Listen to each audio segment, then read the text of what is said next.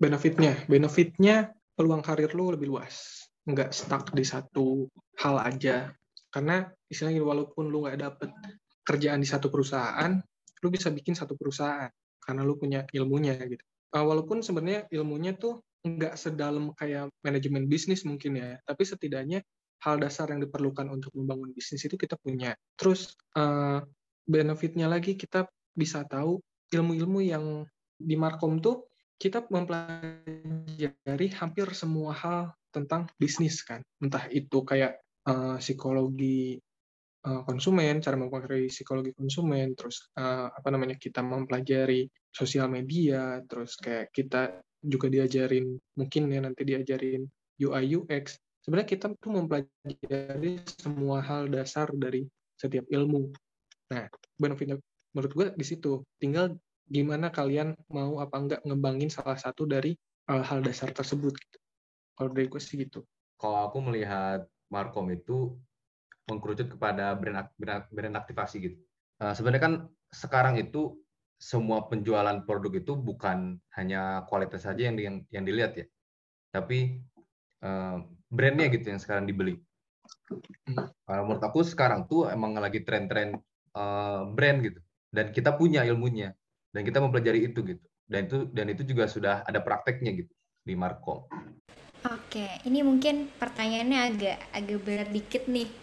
Uh, menurut uh, Bang Faiz sama Bang Dafas, pengalaman suka duka jadi anak Markom itu apa sih? Dari semester 1 sampai semester akhir mungkin dari Bang Dafas yang udah uh, lulus juga, udah dapat kerja juga, mungkin bisa diceritain secara singkat, kalau panjang juga nggak apa-apa. Oke, berarti uh, seputaran kuliah ya. Kalau kuliah tuh uh, gue sebenarnya nggak nemuin masalah sebenarnya untuk semester 1 sampai 7 mungkin ya. Nah, uh, karena di gue masih berambisi karena waktu itu gue masuk SMK dan gue ngerasa salah jurusan karena waktu itu gue masuknya teknik uh, komputer. Nah, akhirnya gue ngerasa itu salah jurusan dan gue pindah jurusan karena gue nggak mau ngecewain orang tua gue lagi. Akhirnya gue kayak ya udah gue totalitas nih uh, istilahnya kayak ya udah gue udah pilih ini gue totalitas di sini. Akhirnya ya udah gue totalitas di kuliah gue gue kerjain tugas uh, apa namanya terus kayak belajar biar ujiannya bagus minimal hal-hal itu dulu lah yang gue capai gitu kan. Nah semester 7 mulailah masuk covid. Gue tuh sempet ditawarin sebelum covid itu join PKM sama Waldos ya kan? Uh, gue mikirnya oke okay lah enak nih. Karena penelitian gue join bareng data bisa bagi uh, bagi sama dosen gitu saling bantu. Ditambah gue waktu itu dijanjiin karena gue ngambil penelitian tentang Belitung gue dijanjiin ke Belitung sebulan dan ditambah sebulan untuk magang di Kemenparekraf. Seneng dong karena dua bulan di Belitung dibayarin semua full kecuali uh, makan lah. Ternyata coronanya makin parah nggak jadi. Oke dari situ semangat gue mulai hilang tuh. Semangat gue mulai hilang gue diemin skripsi gue dua bulanan lah.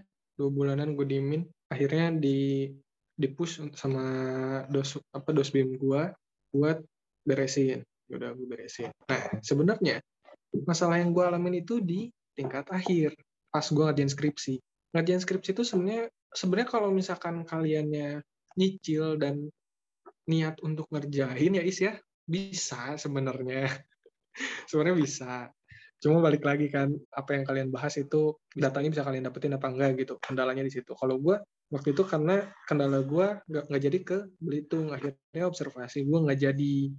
Akhirnya ya udah gue nggak apa nggak jadi skripsi apa adanya karena dosbim gue juga udah udah apa ya udah kayak ngerti lah ya udah seadanya tapi ya seadanya juga seenggaknya totalitas lah tapi pas apa ya, mungkin ini kesalahan komunikasi antara gue sama dosbim gue sih. Gue tuh jarang nanya ke dosbim masalah akademik skripsi ini gimana terus kayak ngumpulin kapan deadline kapan segala macem.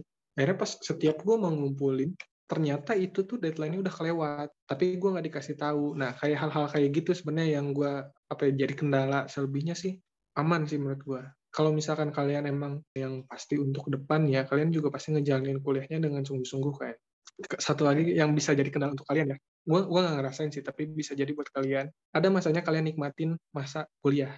Karena mungkin lebih bebas gitu kan dari zaman sekolah gitu. Terus punya teman lebih banyak, ada sahabat lebih baik gitu kan. Nah, yang menjadi godaan adalah lu tunggu uh, satu tahun lagi mungkin di kuliah untuk kayak lu menghabiskan waktu bareng sama teman-teman lu gitu. Kayak gue mau ngabisin masa muda gue dulu nih, mumpung masih kuliah. Atau lu mau ngejar cita-cita lu lebih cepat. Nah, biasanya kan pilihan itu ada di dua, dua hal itu. Menurut gue dua-duanya nggak ada yang salah. Karena lu bisa ngambil pelajaran dari menunda kelulusan lu, tapi ya uh, menunda kelulusan lu itu, lu juga harus tanggung jawab gitu. Lu harus dapat sesuatu dari uh, tertundanya kelulusan lu. Tapi kalau misalkan lu juga mau ngejar cita-cita lu, ya bagus gitu. Nggak ada, nggak ada yang salah, nggak ada yang benar gitu menurut gue. Oke, mungkin Bang Faiz mau menambahkan? Jadi itu suka dukanya ya, pas lagi kuliah ya, di kelas berarti. Yang pasti kalau di kelas mah senang terus sih, karena interaksi sama orang terus ya, sama dosen, banyak diskusi sama dosen, sama teman kelas. Nah, itu pokoknya senang banget lah, itu suatu hal yang nggak bisa didapatkan waktu di uh, eh, SMA. Oh, okay. Di SMA di SMA gitu karena nanti kan kalau di SMA tuh lebih banyak dengerin kata guru dan lain-lain gitu ya. Jadi masih masih daerah itu satu arah. Tapi kalau di kuliah itu banyaknya nanti dialog. Nah itu kalau menurut gue itu suatu hal yang paling enak sih. Nah selain itu uh, kalau di Markom itu ada namanya urufil. Nah itu sih sebenarnya yang paling kerasa gitu suka dukanya.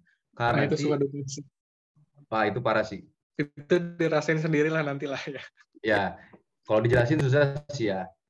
Karena lu harus berkumpul satu kelas buat nge-branding buat nge-branding satu kota gitu.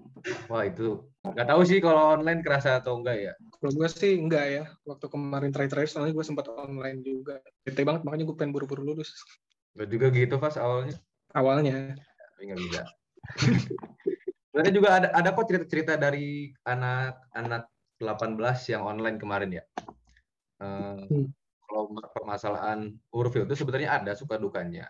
Tapi kalau yang aku dengar itu banyaknya dukanya karena ya ada masalah komunikasi dan lain-lain lah. Itu kan kelas baru nih biasanya itu buat masuk ke Urfil itu itu kelas baru. Kita kita satu pro, kita satu project terus kita belum kenal satu sama lain, wah itu itu cukup sulit. Mungkin kalau di perusahaan jelas, kita misalnya baru jelas tuh apa yang kita kejar. Tapi kalau di Urfil ini semuanya kayak mencari ada ya ada ada ada orang-orang yang cuma pengen dapat nilai, ada orang-orang pengen dapat ilmu, ada orang-orang yang pengen yang asik aja nih main nih, kita ke kota-kota dan lain-lain gitu. Ada aja gitu orang kayak gitu. Nah itu nanti bisa jadi eh, bisa jadi duka dan bisa jadi suka kayak gitu. Uh, ada nggak sih bang yang hal yang baru uh, abang-abang sadarin sekarang nih di semester akhir atau pas lulus harusnya bisa nih gue pelajarin dari semester awal kayak misalnya belajar Excel atau apa ada nggak yang baru disadarin sekarang gitu? Kalau gue Photoshop itu itu penting banget sih parah sih. Gue nggak bisa Photoshop sampai sekarang makanya gue nggak desain itu pakai Canva. Cuma ya gue adaptasi di Canva itu uh, gimana caranya? Kualitasnya tuh bisa nggak cuma template dari Canva aja gitu. Nah tapi kalau misalkan kalian masih ada waktu asli belajar itu sih belajar Photoshop sih. Cuma balik lagi kalian targetnya nanti mau apa gitu. Maksudnya untuk karirnya itu untuk mau gimana. Kalau misalkan kalian mau masuknya intrapreneur sebagai karyawan mungkin uh, Microsoft Office itu semuanya harus kalian kuasai benar-benar semuanya. Dari PowerPoint, Excel, uh, Word kayak gitu-gitu. Itu pasti banget itu. Selebihnya mungkin apa ya nanti tuh kalau misalnya mungkin kalau bisnis apalagi kalian udah sambil uh, ngejalanin bisnis kecil-kecilan dari sekarang mungkin kalian akan lebih tahu gitu butuhnya kalian tuh saat ngejalanin bisnis apa. Sebenarnya kalau misalkan nah ini satu lagi penyesalan gue kalau misalkan mungkin gue bisa ngulang lagi gue pasti pengennya punya kenalan uh, jurusan lain kayak MBTI atau ABIS mungkin ya yang benar-benar dekat kita sharing-sharing matkul kita gitu. Karena kita sebenarnya sebenarnya saling uh, berhubungan. Dan gue sebenarnya pengen nyuri ilmu-ilmu itu gitu dari mereka. Cuma ya udahlah gitu. Cuma ya pasti gue nyarinya di luar itu gitu. sekarang gue masih belajar belajar juga. Oke nih ini pertanyaan terakhir Bang Faiz sama Bang Davas. Uh, ada saran-saran pemasukan nggak buat anak-anak nih khususnya anak-anak 20 yang nanti di semester 4 bakal peminatan milih Markom karena kita masih punya satu semester lagi buat mungkin apa yang perlu disiapin atau ada eh, saran-saran pemasukan gitu. Uh, kalau dari gue ya, kalau jawaban untuk jangka panjang tentuin dulu ke depannya lo mau jadi apa. Baru lu bisa milih di peminatan itu gitu. Tapi kalau untuk jangka pendek, hmm, banyakin main. Entah itu sama sesama markom atau broadcast nantinya gitu ya. Banyakin main. Dari banyak main itu lu bisa dapat banyak hal sih menurut asal yang berkualitas aja nongkrongnya gitu. Jangan sampai malam pagi cuma gibahin orang. Oh iya tambahan. Uh, kalau bisa ya buat teman-teman yang lain juga ikutin kegiatan ekstra kampus gitu. Entah itu organisasi PKM kepanitiaan apa segala macam karena itu kerasa banget sama gue itu bisa jadi porto kalian buat nanti uh, kerja gitu. Kalau emang kalian mau jadi entrepreneur ya, itu bisa jadi porto banget karena uh, kalian kan pasti kalau tahu kan kalau ngelamar kerja itu pasti yang ditanya punya pengalaman apa enggak. Nah, sebenarnya sebagai fresh graduate itu punya pengalaman itu. Contoh untuk uh, lingkup kecil kita ya.